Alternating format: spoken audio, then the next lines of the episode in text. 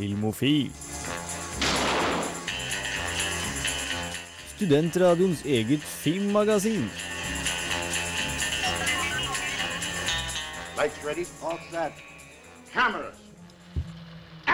Hei og velkommen til Filmofil. Det er torsdag, og da er det på tide at vi inntar eterbølgene for å snakke om film.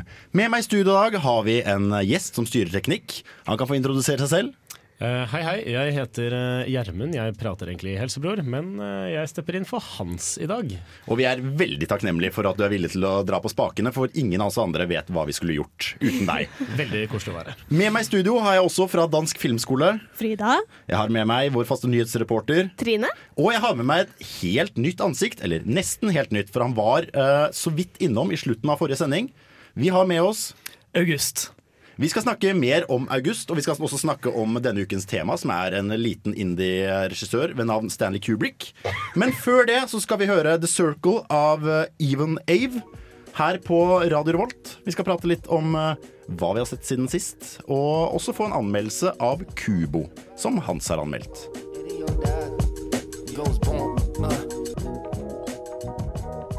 Med meg i studio her så har vi som tidligere nevnt et eh, ganske nytt ansikt ved navn August. Og August, hvor kommer du fra, og hvem er du? Um, jeg kommer fra Lillehammer. Uh, hvem er jeg? var kanskje litt i overkant generelt spørsmål. til At jeg kan Vi svare prøver sånn kjapt på det. Legge Men, uh, på en linje mellom de store eksistensielle spørsmålene og en sånn CV-resymé. Litt sånn fint uh, tanker. Hva tenker du om deg selv som er relevant for radio? hmm. Jeg, jeg tenker jo Det mest relevante ved meg er jo at jeg er veldig glad i film. da I hvert fall i denne sammenhengen. Ja, for du studerer film, gjør du ikke? Uh, nei, jeg har studert film. Uh, per nå studerer jeg sivilingeniør i fysikk og matematikk. Men uh, jeg har tidligere tatt et årsstudium i filmvitenskap ved Høgskolen i Lillehammer. Er den nesten like bra som eh, filmskolen i Danmark? ja, det, det tror jeg nok, altså. What? Det- Tror ikke jeg. Men jeg bare sier det. Akkurat der tror jeg jeg er litt mer eksotisk. Da jeg har jeg liksom dratt litt lenger og du vet Fått, fått opplevd verden. fått opplevd det store utland. Ja. Ja, jeg, tror, jeg tror Frida fortsatt har litt flere filmskolepoeng enn meg. Det må sies. Så din uh, filmsmak og din filmhistorie, det var, hva var grunnen til at du begynte å studere, tok et årsstudium i film? Jeg tror, kanskje, jeg tror kanskje man kan spore filmentusiasmen min tilbake til 15-årsdagen min, da min far tok meg med for å se Inglorious Bastards på kino. Fordi det å se en 15-årsgrensefilm, det er bra tid å gjøre på en 15-årsdag.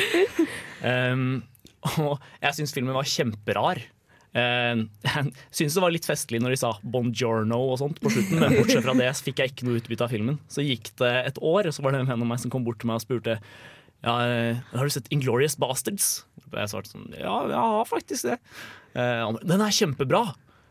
Og eh, etter det så begynte jeg å tenke sånn, ja, kanskje den var bra?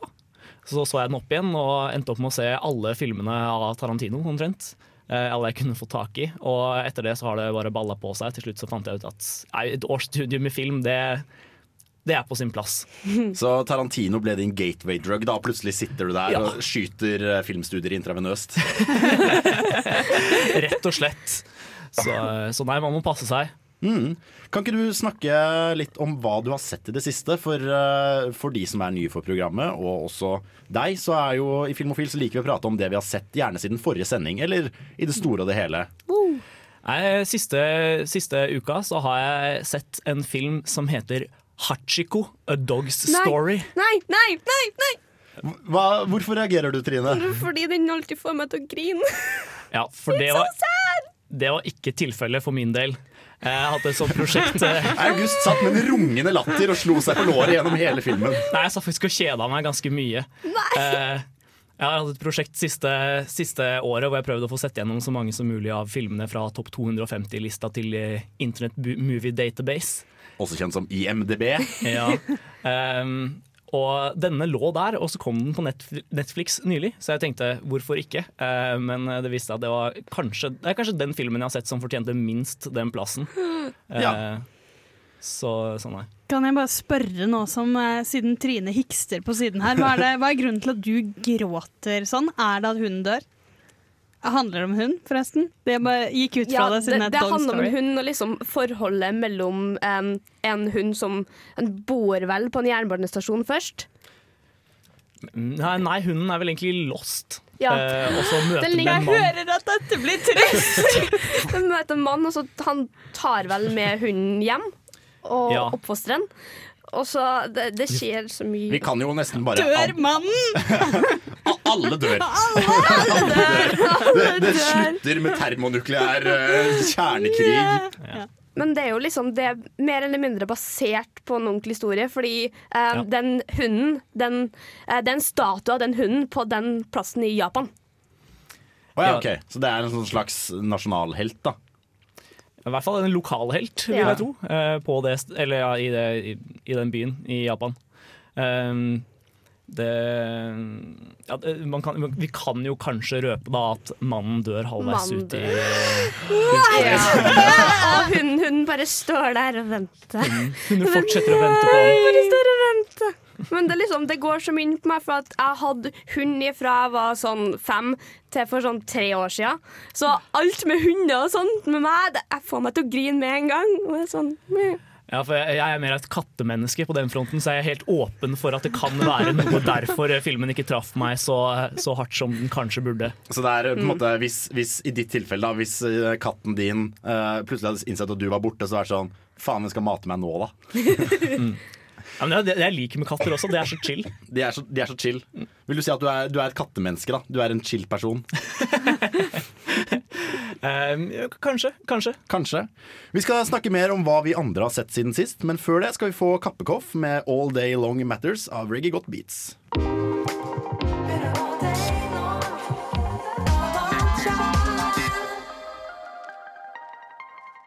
Mitt navn er Bare Egil. Du hører på radio Revolt på internettmaskinen din. Du hører på Radio Revolt, og tilbake i Filmofil skal vi snakke litt om hva vi har sett siden sist. Og Trine, hva har du sett? Ja, um, jeg så Clueless for første gang. Ja! Jeg, jeg, jeg, jeg skjønner ikke hva er det som er så bra med den filmen. Hvor, Clueless. hvor kommer hypen fra? Frida, Hypen, hypen kom fra Frida mest, da, og August på Den er så overraskende lur, og den er så grei med uh, hovedkarakterene sine. Og så i tillegg så er den på en måte sånn litt sånn satirisk på en veldig sånn easy-going måte. Noe av det jeg likte veldig godt med Clueless, er jo at det faktisk er en adaptasjon av en Jane Austen-roman. Og at den har fått, på en måte beholdt noe av den litterære dialogen inn i et sånn high school-drama. Jeg syns det blir veldig komisk da, i, sånn, i kombo. Jeg, jeg syntes liksom alt det der med um, Hva heter Bertha? Ja, hva heter Cher? det? Ja, Cher. Ja. Ja, ja, ja. Den hele greia med Cher og Josh det, It creeped me out! Det er litt rart at hun begynner å holde på med broren sin.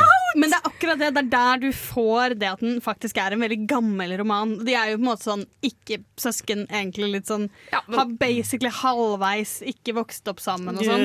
Jeg er helt enig. Det er litt creepy. jeg, jeg, så, jeg så Jeg elsker Ten Things I Hate About You er så mye bedre enn Clueless. Nei Ok, Frida, siste forsvarspunkt for Clueless. Eh, jeg synes bare Det er veldig sånn spesielt med en film der hvor hun ikke trenger hjelp. Og hele kjærlighetshistorien er sånn at hun skal tørre å bli forelsket og på en måte innse at hun egentlig er forelsket, men at du har en hovedkarakter som ikke går rundt og faller hele tiden, som kan ta vare på seg selv, og hun går rundt og passer på alle andre, egentlig. Men er det et øyeblikk der hun tar av seg brillene og blir pen? Nei, hun er Nei. pen hele tiden! Pen fra før av. Hun er bare sjarmerende, eh, populær og på en måte snill allikevel. Høres ut som en film som er verdt å sjekke ut, Å, den er så bra, alle sammen! Og se. Jeg derimot har sett en eh, serie som jeg har forelsket meg litt i. Eh, det er en eh, liten greie som heter Brooklyn 99.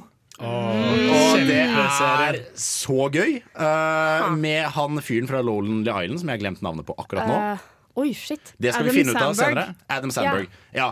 Eh, og egentlig bare et sånn ganske morsomt persongalleri som ikke tar noe altfor seriøst. Det, er jo, det handler jo om eh, politimenn som bekjemper kriminalitet. Men det er veldig sånn Ja ja, da arresterte vi han, og det er på en måte aldri noen sånn mørke pedofilisaker eller, eh, eller sånn gritty drap i, i mørke narkotikafylte gater. Uh, ja, uh, jeg har også sett uh, alt som er å se av denne serien. Mm Eh, og det er jo egentlig bare et Office i politiversjonen. Ja, og kanskje litt, litt mer utagerende og litt mindre sånn eh, hva skal jeg si, voyeuristisk. Hvor det på en måte er eh, ikke filmet som en dokumentar da, på samme måte. Mye mindre kleint. Ja, Og så lar den på en måte Det er veldig sånn når du ser den, så tenker du sånn Her er det han fyren fra Lonely Island pluss pluss. Men serien gir alle karakterene så mye plass. Alle karakterene får være kule. Alle karakterene får være morsomme og dumme. Og det er veldig, um, veldig forskjellig på hvilken type mennesker som er med i serien. Det er veldig diverse. Jeg kommer ikke på det ordet på norsk. et, et mangfold. Ja, det er liksom, det er ikke, det er ikke bare hvite karakterer, liksom. Nei, og Det det, er gjør litt de, forskjellig. og det gjør de også et poeng av i serien, uten å på en måte gjøre det moralistisk. Syns det er veldig gøy at de bare har med masse forskjellige folk. Hvor han ene politisjefen er homo, uh, og det er på en måte et plottpunkt, men det er aldri sånn 'se på han' som er homo. Homo og svart. Ja. Eh, og det, det spiller på, en måte må- på i en realistisk setting, men gjør det veldig veldig humoristisk. Og Kan vi ikke spørre gjesten her, uh, hva er det du har sett siden sist? Uh, oh, det var det, da. Jeg ser egentlig ikke så veldig mye film, uh, så det er jo svært ironisk at jeg havna her. Ja. Men jeg har da sett, jeg har sett Kill Bill for første gang på søndag. Eh, jeg, jeg skammer meg selv Nei, jeg, jeg skammer ikke meg selv. Jeg skammer. Over meg selv, kanskje. Skammer meg. Ja, skamme meg eh, av at jeg ikke har sett den før. Eh, Men du er jo hva skal vi si, som et tapt lam, så har du vendt tilbake til flokken og sett lyset. Ja. Så nå, nå er du frelst. Ja, den var, den var veldig bra, altså. Ja. Veldig bra, faktisk. Uh, Tarantino er en raring, men, men. Men den syns jeg kanskje er den som klarer å lokke folk litt over til Tarantino. Mye lettere fordøyelig og mye mer sånn gøyalt enn f.eks. Pulp Fiction. da. Ja, det har jeg heller ikke sett. Jeg er ganske uenig der, faktisk. Jeg føler de siste filmene hans er mye mer lett tilgjengelig for et bredt publikum, sånn som Django Unchained, og sånn som er mye mer tradisjonelt fortalt da, enn en det Kill Bill er. Men eh, på den andre siden så er jo grunnen til at alle så Kill Bill, er fordi vi gikk i sjette klasse. Og det er én scene som er så voldelig der at de må kjøre hele greia i svart-hvitt! Hvis ikke så får de ikke lov til å vise den. Det er sånn 100 folk som dauer! Uh, og at det fungerer litt som trekkplasser. All den action eh, som i motsetning til f.eks. Uh, Inglourious Baster, som synes var veldig rar, så er det mer sånn du trenger ikke nødvendigvis være så interessert i filmspråk. Du kan bare synes at det er dritfet action hvor det er masse folk som dauer. Jeg vil bare legge til veldig kort. Jeg skal ikke snakke veldig mye om den, for jeg har sett den veldig mange før.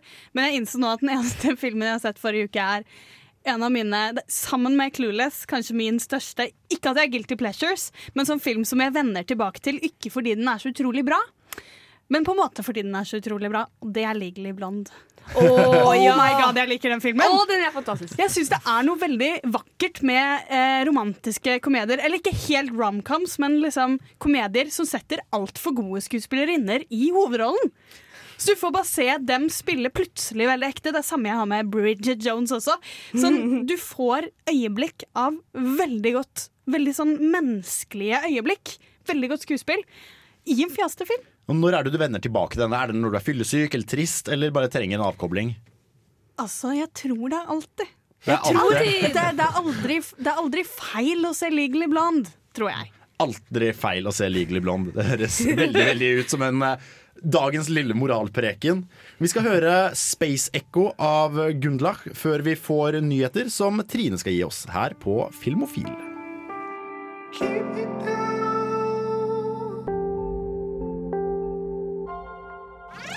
Filmofil gir deg nyhender fra filmen og fjernsynets i spanende vær.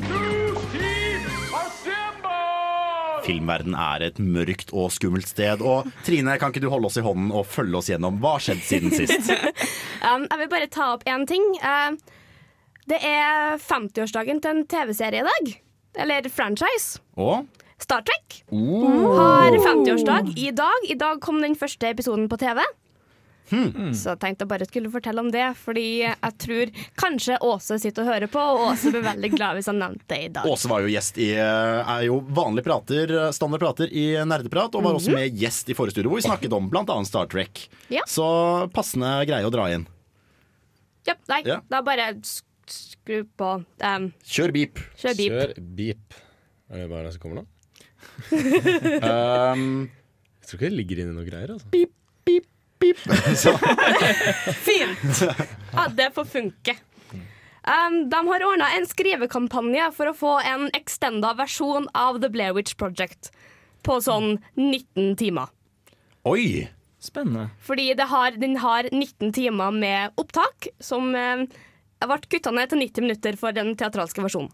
Fordi det første jeg tenker er jo at Oi, er dette en reboot av uh, Blair Witch? Men det er det jo ikke. Men det kunne blitt en veldig, veldig interessant opplevelse å se 19 timer uklippet hvis du sitter i skogen selv og føler at du er på en måte med på det. Det blir en slags sånn reise i litt ræva redigert film. Men jeg har et annet spørsmål. Kommer det ikke egentlig en, eh, en eh, remake eller sequel eller et eller annet i den duren allerede? Det kommer en oppfølger snart. Jeg er ikke helt sikker på når den kommer ut. Jeg tenkte Kommer da eh, heksa litt fram, siden hun tydeligvis ikke Det er ikke noe heks i den originale filmen. Det er en origin story. Nei, jeg, jeg tror den nye er faktisk en oppfølger der de drar ut i skogen. Og de har liksom funnet The Blair Witch Project og skal ut i skogen for å prøve å finne alle andre. Men det er liksom Det er jo en signaturkampanje. For jeg er litt positiv til den, siden den er regissert, eller skal regisseres av eh, Adam Vinyard, Han som har lagd The Guest og Your Next, hvis noen av dere Oh. har sett noen av de. Jeg har hørt om dem. For The Guest er skikkelig bra. Å ja, det er den med åh. Så de må jo de må spille veldig mye på at nå har folk smarttelefoner. da Ja.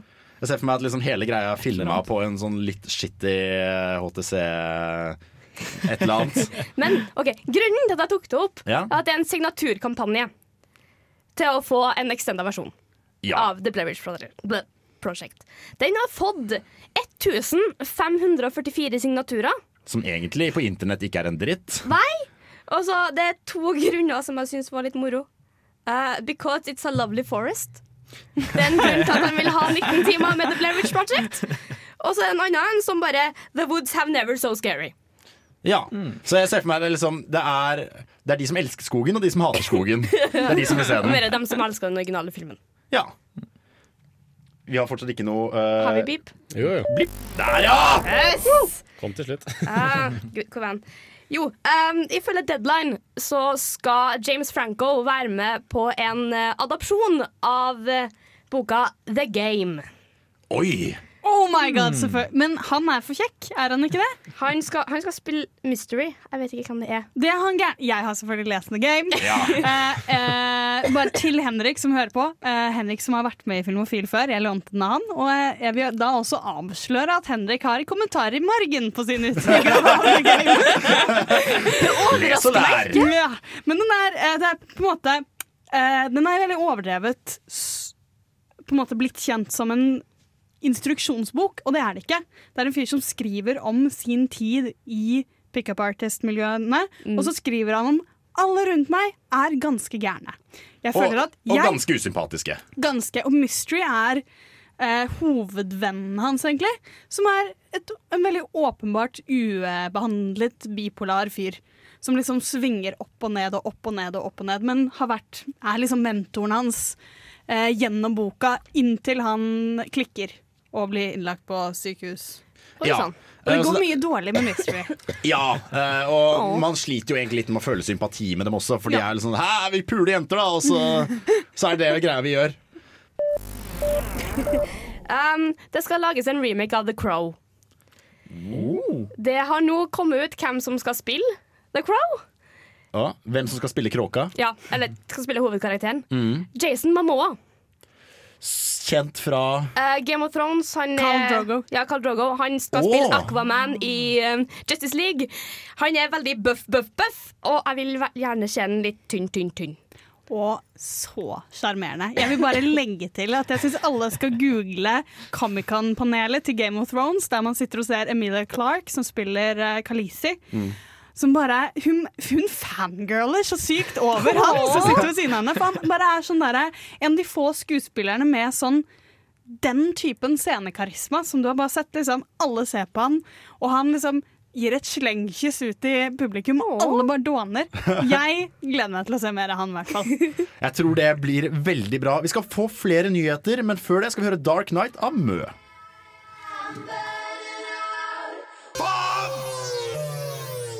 Vi skal få mer nyheter, og Trine, hva kan du avsløre for oss? Wow.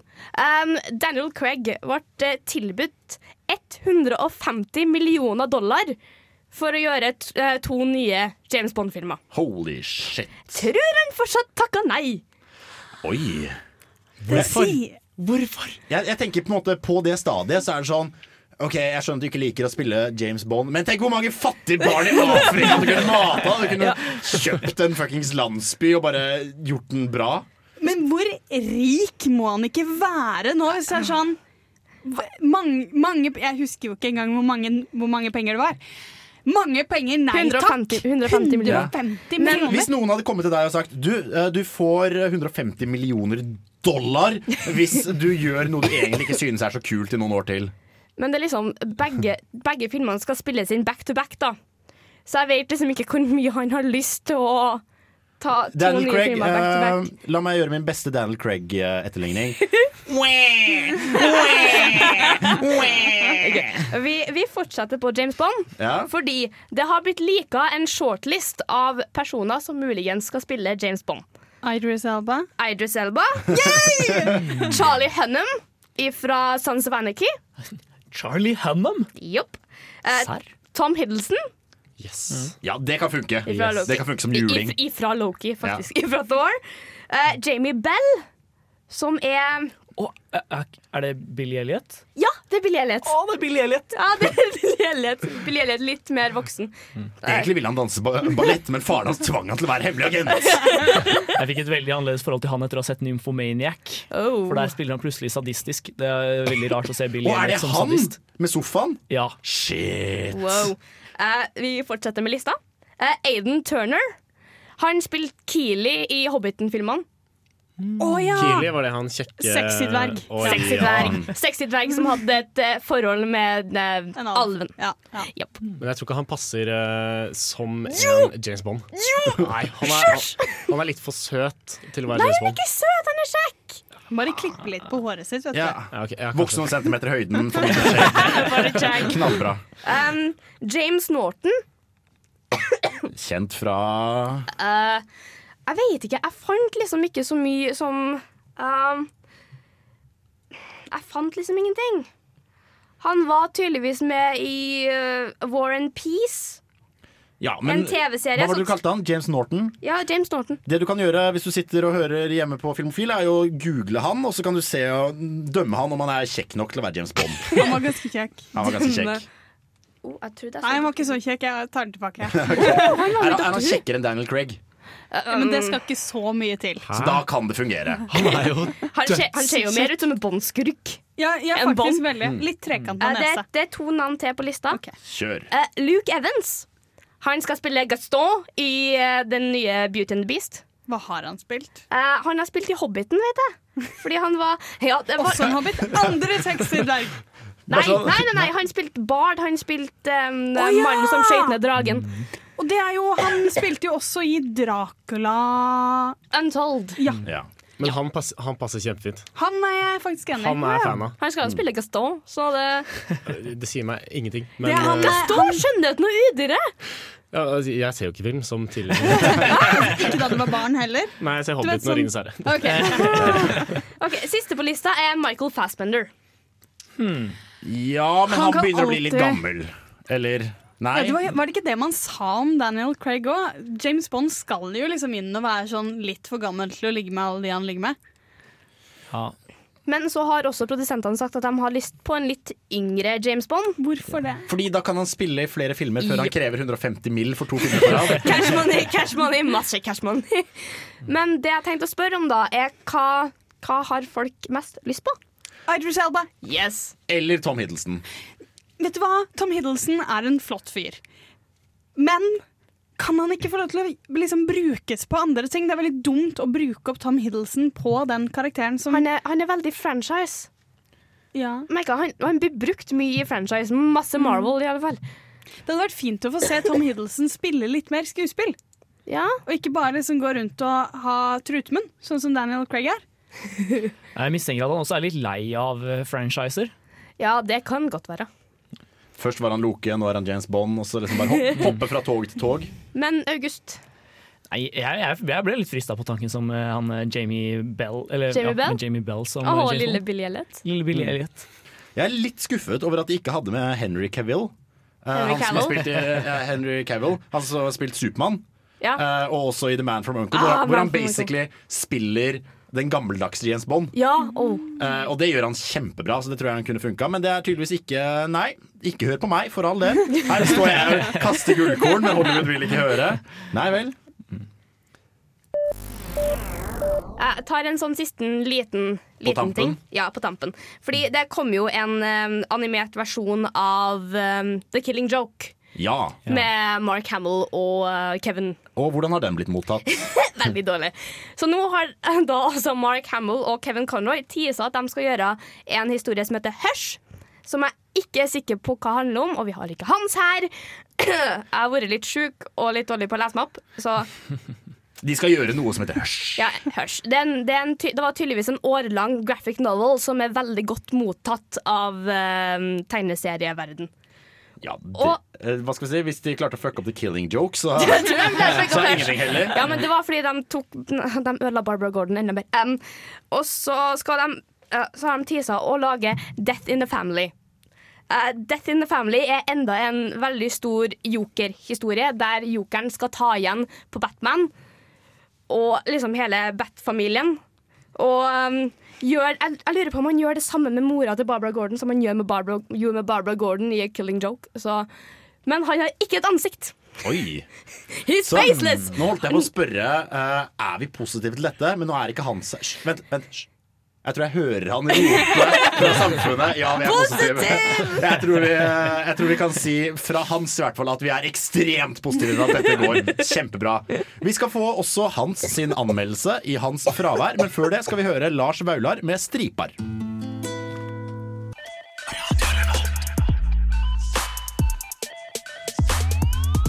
La de juicy folkene holde på, som Lars Vaular synger. Vi skal fortsette med det vi gjør, og i eh, Hans er ikke her, men Hans har derimot vært og sett en film som heter Kubo. Og det var et studio du kjente til, August? Ja. Um, Kubo and the Two Strings, som den heter på engelsk. Eller mm. Eller på Eh, norsk Kubo og det magiske instrumentet. Ja. Uh, litt mindre catchy. Men, uh, men for det første så hadde filmen en av de bedre trailerne jeg har sett dette året. Eh, som virkelig fikk meg hooked. Den hadde, den hadde en eh, banjo eller noe sånt versjon av, eh, av eh, While My Guitar Gently Weeps Oi. i bakgrunnen. Som passer, passer godt i en film om en strengeinstrument. Mm. Eh, men også fordi eh, Laika, som studio, eh, eller som studio heter, har lagd veldig gode filmer tidligere.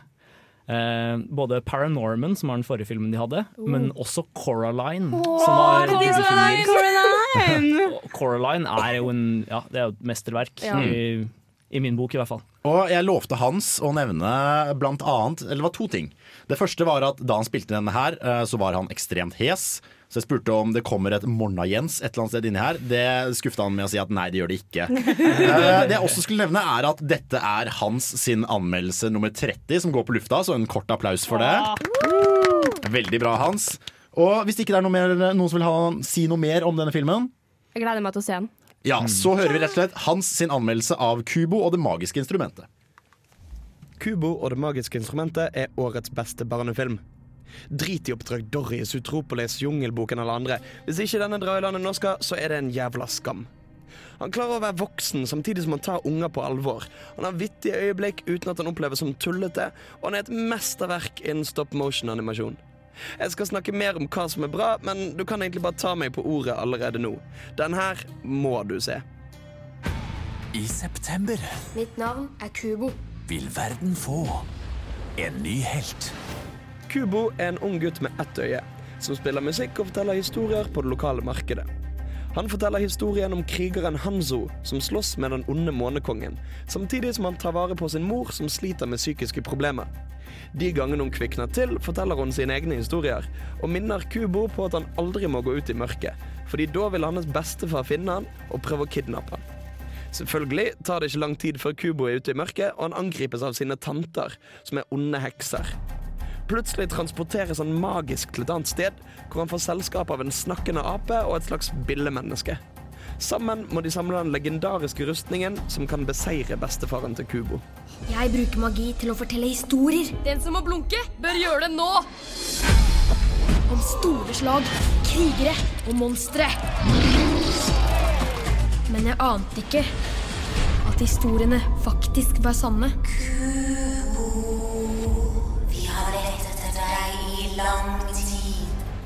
En ting som må tas opp med en gang. Dette er en fantastisk vakker film. Alle karaktermodellene, landskapene og dukkene er lagd med et så stort øye for detaljer at selv om det ikke ser like realistisk ut som den beste datagrafikken på markedet, føles det desto mer levende. Alle karakterene er helt unike, og de har hentet masse inspirasjon fra japansk bildekunst. Det er en slags umiddelbar atmosfære i filmen, og når du går fra å være i en myldrende folkemengde på et torg, til solen går ned og en unaturlig tåke går over skjermen, så er det nesten som det blir litt kaldere inne i kinosetet òg. Animasjonene er òg nydelig utført, og hver enkelt scene er helt vanvittig imponerende. Mor! Kubo, du må finne din fars rustning. Det er din eneste sjanse. Mor! Kubo! Hvem er du? Det er en film som ikke legger fingrene så veldig imellom. Der andre filmer nesten forkler en alvorlig handling i tullete karakterer og humorsekvenser, er dette en mye mer alvorspreget film. Han har sine morsomme øyeblikk, men disse kommer mer som små nødvendige pustepauser innimellom actionscenene og de alvorlige samtalene. Han tar opp temaer som savn, tap, svik, kjærlighet, bitterhet og anger, og tar ungene nok på alvor til at han ikke trenger å forenkle eller fordumme dette. Det er en film som lar det gå litt dårlig, og hvor ikke alt ordner seg til slutt. I Kubo er noen tap permanente. Krev din fødselsrett, Kubo. Gi historien en lykkelig slutt. Alt i alt er dette en film som må sees. Dels for å prøve å skape et mangfold i en barnefilmverden som stort sett domineres av Disney og Dreamworks. Dels for å støtte stop motion, som på ingen måte føles utdatert. Men mest fordi det er en jævlig bra film. Hvis du likte Coraline, så kommer du til å elske Kubo og det magiske instrumentet. Det er en film jeg skulle ønske at hadde kommet når jeg var liten, men jeg kan nøye meg med håpet om at tusenvis av unger vil la seg fortrylle av denne nydelige, nydelige filmen.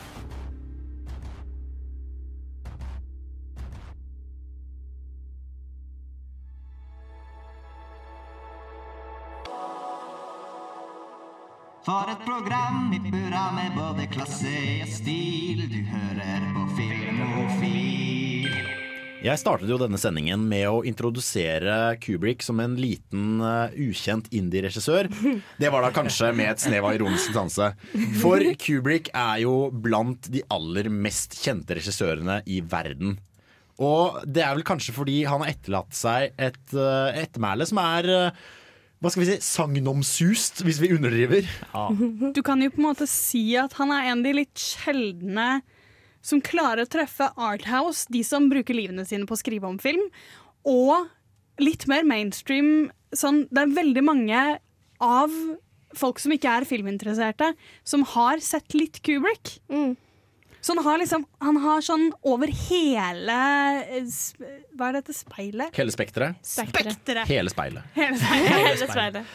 Eh, Kubrick er jo også en av de som lager problemer for eh, de som skal på en måte kåre tidenes beste filmer. Fordi eh, du kan på en måte velge alle, eller hvilken som helst av filmene hans kan fortjene en plass på topp ti-lista di. Eh, så ja, eksempel til Sight and Sound-lista så, så dukker det opp veldig mange av hans filmer. da. Eh, Vi kan jo bare nevne Eller jeg vil spørre alle andre her som har gått på filmskole. Hey. Wow. En ting jeg endelig kan si. Sånn, du ser jo på en måte Det er litt som å se fangirls når filmlærere snakker om Kubrick. Det er noen sånn stjerner i øynene og sånn småtrippende og hoppende. Eh, vi hadde den sinteste cinematografilæreren vår. Han, var, han sto liksom og trippet mens vi kom inn og skulle se The Shining. Så var han sånn You guys are just walking into the cinema. You should be praying! This is a cathedral! det var bare et eller annet sånn ekstrem passion der. Som du sjelden ser, føler jeg. Jeg har ikke hatt det, men men ikke min. Eh, Stig var veldig rolig. Han bare sånn, ja, vi skal, vi skal og det se her, greier i dag. Det er sånn Kubrick eh, et eller Sånn annet. eh, Kubrick-greier. Nei, jeg husker nesten ikke noe av den forelesninga heller. Så Haha, ta den! Det skal jo sies at han ikke har fått noen Oscar. Ja, for det er jo um, Eller Ja. han, han, jeg tror han fikk en for spesialeffekter for 2001. Det er sant. Ah, Jeg vet ikke om vi skal gi Oscaren eh, godkjent på den, ass. For det er jo, han er jo kjent som en av verdens beste regissører. eh, Ja. Punktum. Om ikke kanskje liksom den, Den beste. beste, ja. Uh, og det sier jo litt det du snakker om, at han treffer på en måte den kryssen mellom Arthouse og mainstream. Fordi veldig veldig mange har hørt om han Og det er ikke sånn Hei, folkens, eh, vi har en liten sånn eh, ukjent fyr som bare gjør noen jævlig bra greier. Det, det, er, det er ikke bare hipsterne som hørte om han. Men han har på en måte aldri fått noe ordentlig anerkjennelse fra akademiet. Så ja. Jeg kan egentlig bare si noe, for eh, vanligvis introduserer vi jo folk mye mer med hvordan var livet deres, og hvordan eh, fortellingen om dem, da. Hvordan de ble den de ble. Ja. Eh, Stanley Kubrick er egentlig dritkjedelig. Han har liksom, han vil jeg si utenom at han er en ekstrem det skal vi komme tilbake til, hvordan han jobbet og hvordan han var på jobb, så avliver han mange myter om liksom den gale kunstneren som må på en måte ha et utsvevende og spesielt em, privatliv også. Han var gift med samme person lenge. Veldig tilbaketrukken type som liksom hadde sitt liv veldig utenfor offentligheten, da. Så istedenfor at det var liksom kokainskandaler i gatene, så var Ja. det morgenkaffe og sex i misjonærstilling med lyset av. Antageligvis. Ja. Jeg, åh, han ser ikke, det ikke Han har ikke et ansikt jeg eh, setter pris på å ha det bildet. Hvis, det har du veldig, veldig rett i. Eh, vi skal snakke mer om Kubrick, og vi skal også la hans ettermæle og filmografi snakke for seg selv. Eh, etter denne låta 'Dapper' av Domo Genesis feature Anderson, så skal vi få ukas hjemmelekse, som er Clockwork Orange.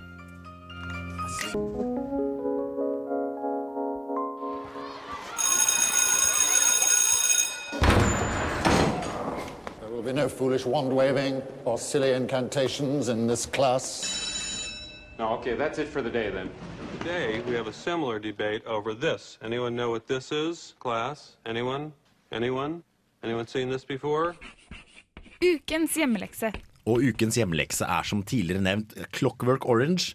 En film fra 1971 som foregår i den, om ikke dystopiske fremtiden, eh, så er det i hvert fall noen som prøver å gjøre den litt mer dystopisk.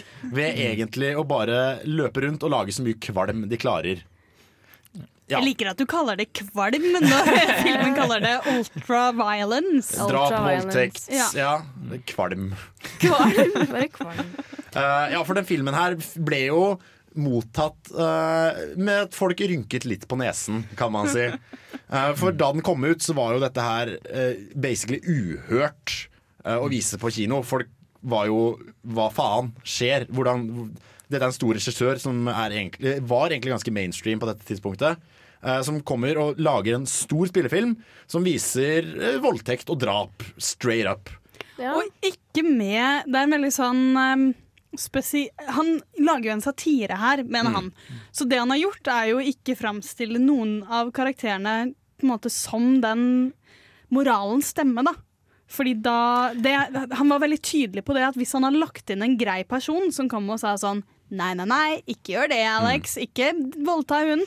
Så på en måte så ødelegger du hele studiet. For da får vi en trygghet når vi ser på filmen. Mm. Og det gjør hele filmen så mye verre at ingen karakterer Du søker jo alltid etter noen å identifisere deg med, men du får ingen. Så da blir man Nei. sånn Denne filmen må sikkert oppmuntre til vold. Det er helt sikkert det den gjør. Ja. Og du nevner jo også dette med at filmen er litt sånn satirisk og kritisk. Fordi eh, hele filmen handler jo om Alex, protagonistens, reise i det kriminelle liv. Hans fengsling, hvis ikke du har sett den, så den kom ut i 1971. Du har bare selv å skylde på. Det var hjemmeleksa. Eh, hans fengsling, eh, deretter rehabilitering, eh, hvis man kan bruke det ordet i det hele tatt. Hjernevasking er vel kanskje, Hjernevasking. be Hjernevasking er vel kanskje bedre å uttrykke. Ja. Og så hans da eh, kollaps helt på slutten, tilbake i, i det kriminelle. Som stiller noen spørsmål ved er Skal man på en måte prøve å omvende kriminelle med alle mulige midler, og når blir på en måte midlene verre enn det de faktisk prøver å bekjempe? Han, sier jo veldig, han har sagt veldig tydelig at både vitenskapen i denne filmen og staten bruker jo på en mye mer systematisert måte samme volden. Og Alex sine venner kommer jo senere tilbake som politimenn, som er like voldelige Det er jo et helt gjennomsyret samfunn. Mm. Og jeg syns egentlig vi skal spille Jeg har eh, August har faktisk funnet et klipp her eh, med en eh, Med en av de mer utpregede scenene. Ja. Hvor da Alex banker og voldtar og synger 'Singing in the Rain'. Right, Pete, check the rest of the house. Ten.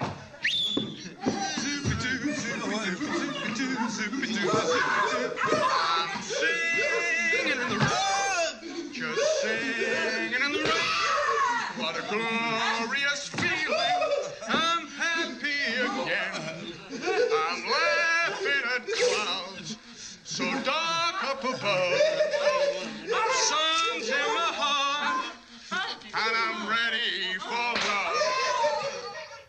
Ja, det er en litt ubehagelig scene. Ja, du er inne på noe der. Det er, det er noe med volden i den filmen som fortsatt gjør vondt å se på. Ja, det er jo- og, og, det, og det gjelder jo ikke bare de scenene hvor Alex er brutal, men også de scenene hvor han skal på en måte ja, hva skal vi si, eh, hjernevaskes, da, eller gjøres snill igjen. Mm. Det, er, det er helt fryktelig å se på de scenene i kinoen der også.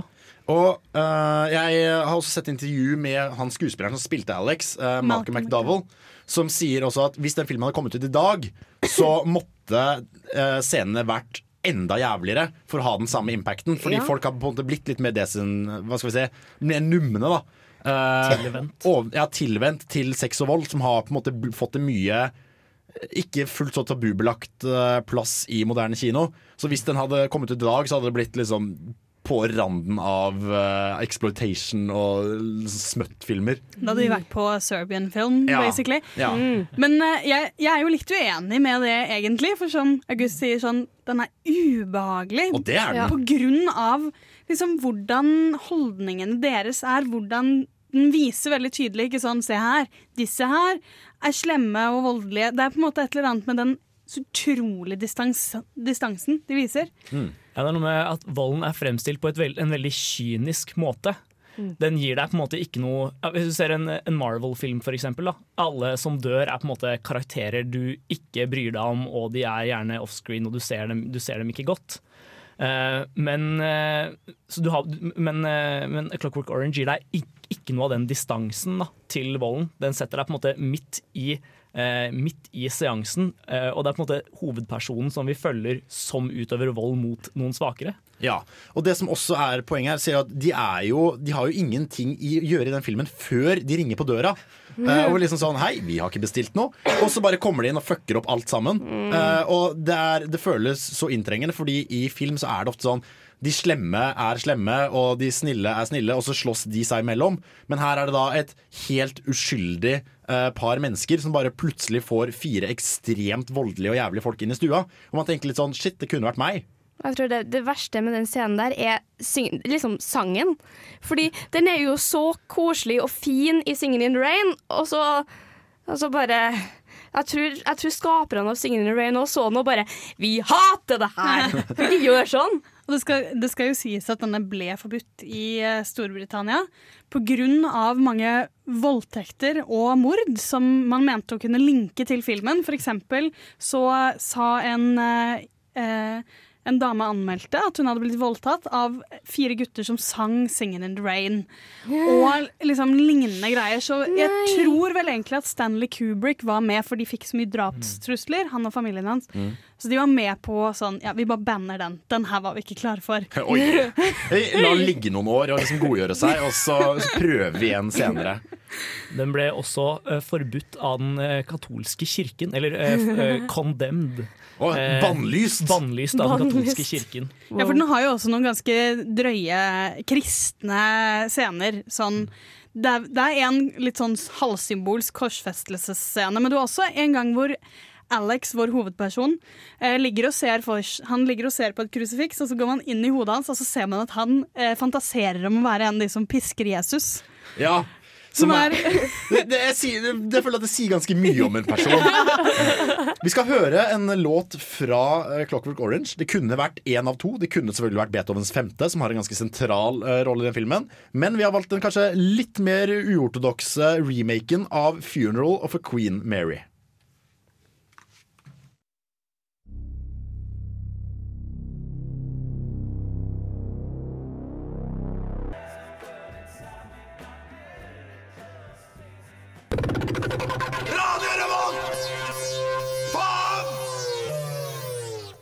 Så Kubrick. Kubrick er jo kjent for å lage ekstremt god film og ekstremt godt håndverk. Og han har jo blitt uh, Veldig vanlige ord som brukes om Kubrick, er jo perfeksjonist. Han, skulle, han visste hvordan han ville ha ting, og han skulle ha det akkurat som han hadde forestilt seg det. Ja, ja. Og dette kommer jo på en måte litt fram i filmene hans, hvor det er uh, blant annet eh, rekorden for flest tagninger av én scene fra The Shining. Jo. Eh, Som vi har nevnt noen ganger før, men en god ting kan ikke sies for ofte. Og eh, en annen ting vi vi dessverre ikke nevner nok, er at han har selvfølgelig også verdensrekorden på lengste filminnspilling. Oh. 400 dager på Eyes Wide Shut. Oi. Altså 400 innspillingsdager. Det er nok produksjoner som er lengre, men innspillingsdager Jeg tror det vanlige er tre uker. Mellom tre og seks uker. 400? 400, Det er over et år. Ja, til sammenligning så tror jeg de brukte under 90 dager på Saving Private Ryan. Ja. Wow. Ja. Altså Innspillingsdager er liksom når skuespillere står foran kamera og sjonglerer. Hva gjør de? Spiller. Eh, spiller, kanskje? Spiller sine Og ja. det er vel noe han aldri kunne sluppet unna med hvis ikke han kunne slått i bordet og sagt Vet du hva, faen, jeg er Kubrick, hva skal du gjøre? Det er morsomt, for det kunne han, og det gjorde han bare. For han var ehm, Jeg leste tid, eh, en av hans tidligste innspillinger, en av hans første filmer, Mm. så hadde han fått med seg en av Hollywood-legendene. For han hadde basically ringt og spurt. Og fått faren til å liksom, avskaffe livsforsikringen og fått venner og familie til å finansiere, så han kunne ha et Hollywood-budsjett og få inn Hollywood-stjerner. Så han tok inn en jeg dessverre glemte å skrive navnet på, men en stor cinematograf. Og så sier han eh, ja, jeg vil gjerne ha et uh, trackshot her, og det skal vi skyte med Han fortalte han nøyaktig hva han skulle gjøre, og dette skal vi skyte med 25 mm linse. Så kommer han tilbake en halvtime senere når de har satt opp, og han har satt opp eh, kranen sin li et lite stykke unna, og satt på en 50 mm. Og dette er da en fyr som har vært dritgrei med en ung og lovende regissør. Og da sier Stanley Kubrick eh, Eller det er det man har hørt at han Mm. har sagt. Nå kan du sette på en 25 mm og flytte dollyen din, eller så kan du dra. Oi! Så det er et eller annet med at du blir ikke Stanley Kubrick som gjør dette her. Altså, du gjør ikke det fordi du får lov. Du gjør det fordi Det- faen, du skal ha det sånn. Det er den eneste måten han gjør det på. Ja. Ja, og, og han var så kompromissløs at hvis tingene han hadde planlagt ikke gikk med den eksisterende teknologien, så på en måte, ja, skaffet han ny teknologi. da. Steadicammen, for eksempel. Eh, noen av de første som brukte Steadicam, eh, var de som skulle filme de eh, eller, eh, trehjulssykkelscenene Mm. i The Shining. Å, det Eh, er så bra! Sorry. Mm. Han må bare gushe over den scenen når Elliot holder på å sykle i gangen. Det er sånn, Ja, men se for deg at det hadde vært gjort med, med et kamera som faktisk rista. Det, Det hadde ikke ikke fungert på samme måten i det hele tatt. Eh, på samme måte så hadde du eh, Barry Lyndon, hvor han, han skaffet linser fra NASA. For å få så lite dybde og så bra lysabsorpsjon som mulig. Så de kunne filme sekvenser med kun lys fra, fra stearinlys på sett. Og For å liksom Wow. understreke hvilket nivå teknologi dette var på, så var det linser tatt fra satellittene som skulle ta bilde av baksiden av månen. Hvor det basically ikke var noe lys i det hele tatt. Så det var liksom sånn ja, nei, vel, vi gjør det på min måte. Hvis ikke så bare fuckings finner vi opp en ny måte å gjøre det på. Og det er jo ingenting som er på en måte mer kjent enn 2001 har han jo basically bare funnet opp alt som er brukt. Dette er jo året før man faktisk eh, landet på månen. Den kom vel ut i 68. Stemmer. Sånn at folk hadde ikke sett verdensrommet før. Og han Den filmen ser ikke gammel ut når man ser den i dag. Det Nei. er faktisk sant. Det var faktisk det første som slo meg da jeg så den filmen her, er at wow, de spesialeffektene de holder mål fortsatt. Fy fader. Det er, ehm, det er faktisk så bra at hadde det kommet ut i dag, så var det sånn OK, greit, jeg ser at det kanskje er en modell, men fy faen, så bra modell det er! Men man kan ikke snakke om arbeidsmetoden hans uten å gå litt inn på hvordan han behandlet skuespillerne sine. For uh, ja, Alfred Hitchcock sa jo 'humans are cattle', noe, noe Kubrick kanskje tok litt vel til hjertet. Kanskje? Ja, vi har jo historien om uh, Shelley Duval på, Åh. på settet til eh, The Shining. Eh, som nevnt tidligere, så eh, måtte de i en av hennes viktigste scener ta 127 takes. Det, er, det er en del. Eh, hadde visst gått såpass langt at eh, han på et tidspunkt hadde sagt noe sånn som at ja, hvis, du, hvis du, eh, du, du får tydeligvis ikke til det her, eh, du, du får sparken, men vi, vi tar det en gang til. Eh, og det var visst det settet de brukte etter. Så, nei, det, det taket de brukte etter, som kom Wow. med i filmen. Jeg tror han faktisk trua med å faktisk slå henne gjennom hodet på et tidspunkt også. Det, ja. Stakkars dame! Og hun, hun har jo sagt at hun mistet håret og at Ja. på en måte hele Men hun har også gått ut i ettertid og sagt sånn men jeg ser jo hvorfor han gjorde dette. Det blir jo en bra film, Det da. veldig bra For til slutt. Uten at noen egentlig har sagt det, så er det jo en åpenbar eh, At han brukte litt den her Hitchcock-greia om at eh, man, eh, Hvis hun føler seg utrygg, så spiller hun sikkert utrygg. Ja, Hun hadde jo også Eller han hadde jo også bedt resten av crewfolket om å, om å på en måte eh, aldri være sympatisk med henne. Ja. Men eh, bare for å si litt imot det, både Malcolm McDowell, som spilte i eh, Singing in the Rain, som var, likte godt å improvisere, han elsket Kubrick. Samme med Peter Sellers, som gjør eh, Dr. Oh. Strangelove, or How I Learned to Stop Worrying and Love the Bomb. Ja, altså Michael McDowell som uh, spiller ikke 'Singing in the Rain', Ja, nei, men i Clockwork Orange. ja, hvor Han- han synger 'Singing in the Rain'. Som han fikk improvisere. Det skulle jeg si. Oi. Han fant på den sjøl. Og det, det, er ting, det, er sånn, det er ting jeg ikke hadde forestilt meg i en setning. Kubrick og improvisasjon. Ja, men han, han filma veldig mye, og mange av de mest kjente improviserte scenene i filmhistorien er fra hans filmer.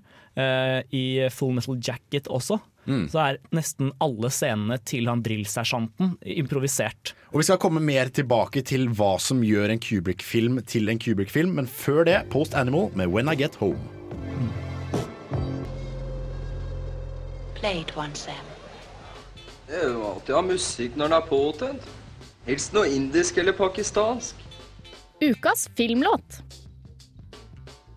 Og ukas filmlåt er 'Blue Danube-waltz' av Strauss. Eh, og det er eh, Var det noe, Frida? Nei. Nei, Du bare skar en grimase. Eh, så nå lurte jeg på om jeg sa feil, men jeg gjorde ikke det. Altså, jeg kan ikke tysk! Hvem, hvem vet? Men i hvert fall, det er da en eh, valts av eh, Strauss som foregår i rommet når den spilles. Akkurat denne scenen er da etter den store opprinnelsesscenen til menneskeheten, Ah. hvor apene eh, møter monolitten, tar på den og får på en måte the gift of knowledge. Slik man kan tolke det, i hvert fall. Det er veldig, veldig mye som kan tolkes Slik i man kan tolke det. Slik Det er vel sånn tolke alle tolker det. La meg komme med enda en liten anekdote fra min uh, Frida, anekdotetime, kjør. Fra filmskolen min. Ja. Da var det, Vi hadde sett den. Den er litt speisa for alle som ikke har sett den. Litt. Så det er verdt å på en måte snakke om hva skjedde der etterpå. Og det er en som rekker opp hånden sånn Unnskyld, sånn som jeg tolker det, så er monolittene bærere av evolusjon. Og så må man bare være sånn Sånn som du tolker det, eller sånn som man er enig om. Den, den, er, den har en veldig veldig spesifikk handling. Det er, altså, selv om de ikke sier sånn 'dette er det som skjer', så må jeg bare si at det er ikke så mye tolkningsrom. Nei. For de som har sett den uh, og sovnet, blant annet Uh, Trine, du hadde en opplevelse med det, hadde du ikke engang? Jo, um, det, det var jo under Kosmorama i vår. Så hadde jeg jo sett en god del filmer på kino før. Før den dagen. Så jeg kom inn, satt meg i kinosetet, og før filmen startet i det hele tatt, så var det en som hadde jobba med props og sånn, som var og prata om hvordan det var å jobbe med Kubrick. Og liksom hvordan det var å jobbe på den filmen generelt. Det var kjempeinteressant. Så han hadde faktisk vært med på ja, han hadde har vært med og liksom eh, laga props og viste oss liksom slides av hvordan i det hele tatt de fikk til å gjøre det. Hm. Det var mer interessant i filmen! Fordi jeg har sett 2001 før. Den er veldig interessant, men jeg skulle egentlig ønske jeg var høy eller på syre eller et eller annet, så kanskje jeg kunne ha likt litt bedre. Men jo, tilbake til kinosalen. Ja. Jeg setter meg ned, og det kommer til uh, når de skal boarde den uh, Når han skal boarde den romstasjonen. Og plutselig så husker jeg ikke så mye mer, fordi jeg er bare helt borte. Og våkner igjen når han plutselig ligger der som en gammel mann og bare ser. Fordi når de skal boarde den romstasjonen, er jo akkurat da låta spilles. Så det passer jo, passer jo veldig, veldig bra. Eh, men vi kan jo ta litt sånn eh, kort om på en måte, handlingen i filmen. Det er jo eh, Ja, Frida? Altså, jeg vil bare egentlig si noe om hvordan han bruker klassisk musikk, for den er så berømt for det. Mm. Eh, spesielt 2001, så bruker han masse kjent klassisk musikk i stedet for å skrive ny Mm. ehm, Å skrive ny filmmusikk. Det skulle jo egentlig under den kjente eh, Sånn snakket Saratustra Jeg klarer ikke å si det på tysk, så jeg bare tar det på norsk. Eh, den monolittsangen som, hvis dere ikke har hørt den, bare google det, så har dere hørt den allikevel. Bam, bam, ja, den. Ja, den. Bam, bam. Den skulle egentlig ikke være med. De skulle skrive en ny sang. Ja, det er sant det. Og så bare satte han inn den for å ha noe å klippe til, og så var han sånn Nei, funka dritbra, vi tar den. Og nå er det jo en ikonisk scene. Fantastisk. Fordi det funker jo kjempebra her. Mm. Den, den var faktisk eh, kun klippet inn, eh, eller kun brukt fordi de måtte ha noe eh, promomateriale å vise fram Ja! til produsentene. Eh, men så syntes han det funka så greit, så han bare beholdt det i, i klippen. Yeah, yeah, we meant to do that. og, de, og dette gjør han utrolig mye i alle filmene sine. Vi snakket jo tidligere om eh, Beethovens femte, som er brukt i eh, godeste Clockwork Orange. Clockwork Orange. Som på en måte gir, det gir så mye kontekst. da Han sa at jeg skulle gjerne skrevet mye eget, men du mister så mye når du gjør det. Mm. 'Funeral of Queen Mary', som vi eh, spilte, er jo en begravelsesmarsj. Og den filmes når, Den brukes når de sitter innen denne baren i, eh, på den melkebaren Ja, i Clockwork. Orange. I Og det, og det er en sånn følelse Eller han sa en av de liksom, klareste tolkningene han hadde, så sa han sånn det er jo, Hele filmen er jo en dødsmarsj om samfunnet vårt, om moralen. Mm. Og sånn, så han la veldig fra seg det å skrive ny musikk, og brukte heller på en måte konteksten til gamle sanger.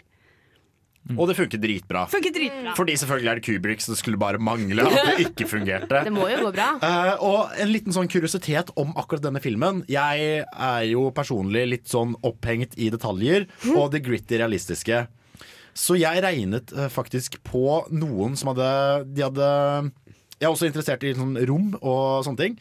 Så folk har regnet seg på hvor stor trenger en romstasjon å være for at den skal kunne snurre. Eh, altså Jo større sirkelen er, jo eh, tregere må den kunne snurre for at du skal få kunstig gravitasjon. Så hvor tregt, hvor stor må den være for at du ikke skal bli kvalm av å sitte inni og oppleve kunstig gravitasjon? Tror du ikke den romstasjonen i filmen fra 1968 passer de målene? Wow. Og, og, ja, og det er bare sånn OK, det er på det nivået. Det er på det nivået. Så klart. Uh, og sånn utledningsvis så vil jeg også bare nevne at Interstellar er jo en eneste stor omasj omtrent til 2001 Space Odyssey, hvor du har flere sånne orgel... Hva skal vi si, utbrudd som nærmest bare sier Hei, um, vi prøver litt å være 2001 Space Odyssey for de nye kidsa, eh, men det funker jo ikke helt. Så la oss prøve å høre på den originale. Her har du, du Blue Danube Waltz.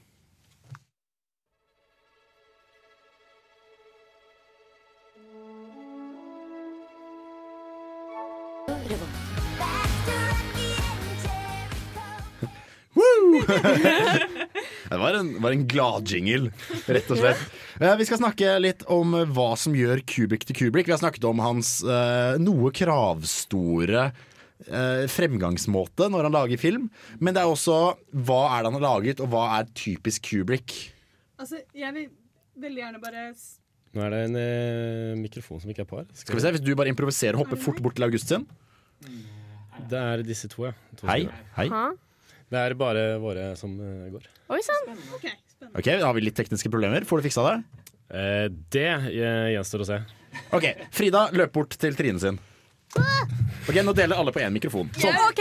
Greit, kjør! Um, jo, en veldig spennende ting med Kubrick er jo at han um, um, At han er så utrolig visuell. Og det skulle vi jo egentlig inn på, bi på, på biografien hans. Jeg kom bare til at han hadde et kjedelig liv. Men han startet karrieren sin som en stillfotograf. Og det syns jeg du ser veldig veldig godt i filmene hans. For han var veldig opptatt av det visuelle over det Over på en måte men, Eller at det visuelle skulle bære meningen i seg selv. Mm. Og det er jo også eh, noe man ser veldig godt i f.eks. The Shining, som vi har snakket om. Hvor han bruker kameravinklene og zoomingen til eh, Og jeg så et sånn videoanalyse av noen scener fra The Shining, hvor han bruker det at verken folkene, altså skuespillerne, eller kamera beveger seg.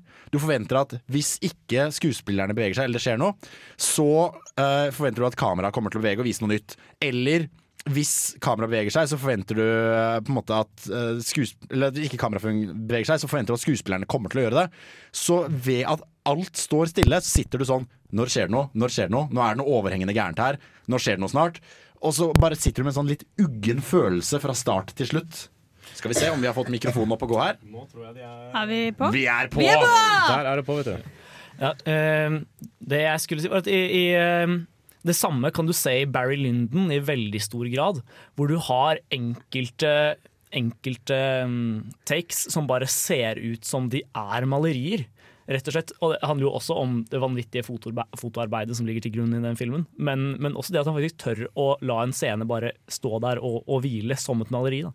Og det, det har litt med Eller når man ser den Jeg eh, leste et intervju med en av produsentene hans, for som sagt, Stanley Kubrick ga veldig sjelden ut eh, tolkninger, eller offisielle tolkninger. Eh, han har vel faktisk basically sagt eh, Jeg skal faktisk sitere her. Fra en bok. Wow! Det Wow. som anmeldere skriver, er ofte så vanskelig å begripe. Så han har liksom den holdningen sånn der. Eh, og det har han også sagt til denne produsenten. Så sa han, eh, det var mens de filmet 2001, så har han sagt ja, Vi får vente på filmkritikerne til å få vite hva denne handler om, da. Så han på en måte har eh, um, Han har ikke sagt så mye, men i Barry Lyndon så har en av produsentene sagt at han ville gjenskape um, hvordan vi har sett fortiden vår. Og da må vi gjennom bilder, for det er det vårt referansemateriale er. Så han starter så mange scener, som du sier, med liksom tre minutter. At de bare zoomer sakte ut. Og det er sånn Ja, nei, jeg får studere det veldig godt, da. Det er jo veldig pent. Og det er jo uh, litt dette her at han bruker veldig ofte sånn med zooming sånn, bruker han veldig sentrerte skudd. Hvor du på en måte leder Alle vinkler leder mot et punkt i bildet. Eh, du har jo også det som bare er kjent som the Kubrick stare, hvor folk ser litt sånn fremoverlent. Mens kameraet gjerne zoomer ut, som du ser på en måte i The Clockwork Orange og The Shining. eh, hvor du får veldig blikkontakt og bruker Mm. veldig lang tid på bare sånn wow, dette var intenst. Ja, og, og bruken av zoom generelt er eh, noe som er har gått eh, veldig av moten i Hollywood fordi det er litt fremmedgjørende. Eh, Det, et, altså, det, det, finnes ingen situasjoner i det virkelige liv hvor du kan oppleve en zoom-effekt med dine egne øyne. Mm. Eh, Men Kubrick brukte det hyppig. Filmene hans hadde gjerne ja, godt over 20 sånne, sånne ja, bare zoome inn eller ut-shots. Veldig ofte zoome ut. For ofte så zoomer man sånn Hvis det brukes nå, så er det jo at man går inn og liksom kommer sakte, men sikkert nærmere karakterene. Veldig sakte. Men han har en tydelig på en måte, tendens til å dra deg bort fra karakterene mens du ser på dem, og du Mm. ser at de sitter og prater. Og det er veldig, Den distansen til karakterene har vi jo nevnt tidligere, og den går veldig igjen. At det handler ikke om sånn 'her er hovedpersonen din, bli bestevenn med han', og så kan vi liksom følge eh, Johannes gjennom hans eventyr. Og det er veldig tett knytta opp mot et annet eh, Kubrick-kjennetegn, som, eh, som rett og slett er hans veldig pessimistiske menneskesyn eh, på, på mange vis. Eh, det er veldig sjelden i hvert fall de senere filmene hans hadde en tydelig good guy i, i sentrum. Eh, bare tenk på Ice Wide Shut. Det er ingen good guys der. Barry Lyndon er et forferdelig menneske. Eh, Han blir det i hvert fall. Han starter jo som en uh, halvsjarmerende fyr, og så får du ødelagt det bildet han. Ja, jeg syns han er ganske usjarmerende helt fra starten av, men det er jo en, det er en smaksak. Han Kubrick slår meg som god på film, dårlig på mennesker. det er liksom, jeg, jeg har sikkert vært jeg liker filmene hans, men jeg vet ikke om han har vært noe kul å dra og ta en øl med. Nei.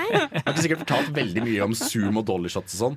Uh, men han bruker jo også en siste liten ting jeg bare vil slenge inn. eh, på det med å formidle en stemning og formidle en følelse gjennom film. Er jo også uh, fra The Shining, som jeg har snakket veldig mye om. Mm. Hvor han filmer The Outlook Hotel. Hvor denne gutten da sykler rundt. Og det som uh, bidrar til at du får en veldig uggen følelse, er at måten det er filmet på, gjør at hvis du prøver å tegne et kart av hotellet, så går det ikke. Det går ikke. Noen ganger går og på en måte krysser inn over der de har vært før. Uh, så hvis du bare ser på filmen og lager en sånn blueprint av hotellet ut fra hvor han sykler, så går det ikke opp. Og det bare bidrar til en slags sånn forvirring og en følelse av at her er det noe som ikke stemmer. Det er jo hele hotellet generelt i den filmen. Du vet ikke hvor noe er hen. Nei. Du hadde ikke noe, Frida? Nei, nei, sa jeg at jeg hadde noe? Nå høres det som mikrofonen din har gått igjen. Ja, vi skal prøve å fikse dette her. Uh, enn så lenge skal vi høre 'Knife Edge' av eh, Matt Corby, før vi skal snakke litt uh, varmt og personlig om hva vår uh, favoritt-Kubrick-film er. Du hører på Filmofil. Du hører på Radio Revolt, studentradioen i Trondheim. Vi skal snakke litt om vår yndlings-Kubrick-film, og for å sparke det hele av gårde, Trine, hva er favorittfilmen din? Dr. Strangelove. Dr. Strangelove, hvorfor det? Jeg vet ikke. Det er bare den filmen som har sittet mest igjen med meg. Bare sånn, Den her liker jeg skikkelig godt. Det er liksom bare, Jeg er ikke så glad i The Shining. Jeg er ikke så veldig glad i Clockwork Orange. Jeg er iallfall ikke noe veldig glad i 2001. Så det er liksom Det er Dr. Strangelove som har bare sittet igjen et sånn Det her liker jeg. Det er sånn mørk komedie. Mein Führer, I can walk! Det er, er, eh, sånn, det er veldig morsom, mørk humor. Veldig low-key humor. Ja. Sånn eh, OK, plan R er et eller annet sånn derre Jeg husker jeg liksom satt og fniste veldig for meg selv. Det er bare sånn, det er noe som forklart som bare sånn You slip on a banana pill and extinguish the human race. Nei, Personlig så funka ikke klokk... Nei, uh, Dr. Love så utrolig godt. Eh, tror kanskje det var eh, Jeg synes Den er kanskje litt, eh, litt enklere enn noen av de andre filmene han har laga. Liker det enkelt, jeg. Ja. Men det er bare sånn det, Så hvis du skal ta med Trine på date, så Grandis og Hey. Netflix. Hun er din. Nei! August, hva er yndlingsfilmen din? Um, jeg tenkte å trekke fram en film vi ikke har snakka så mye om eh, tidligere i, dag, eh, nemlig 'Paths of Glory' fra 1957, hvis jeg ikke husker helt feil.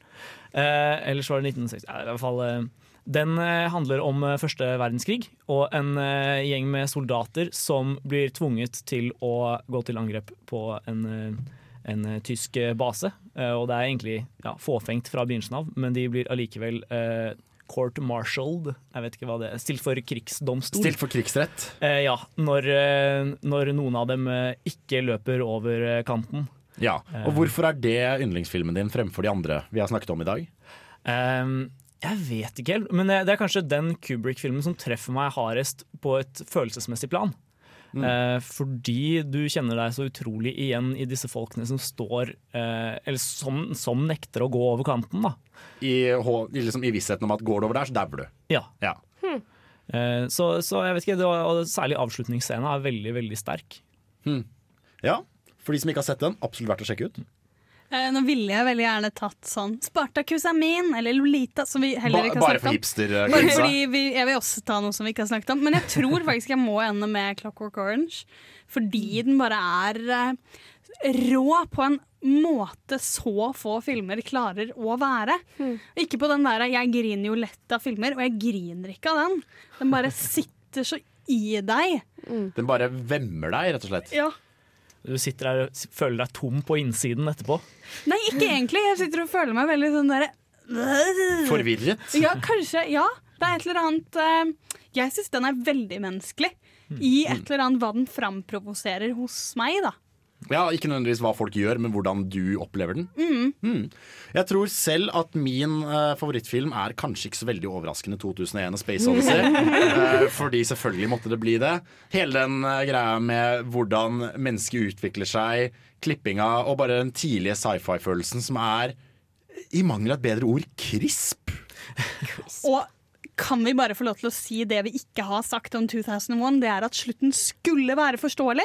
Ja. Fordi den skulle ha en sånn 15, minu 15 minutter lang monolog over denne litt sånn syrete avslutningen, som skulle forklare sånn And now we see the apes Ja. really have gone into et eller annet. Og så var han sånn i klipperommet bare Nei, Nei, trenger det ikke.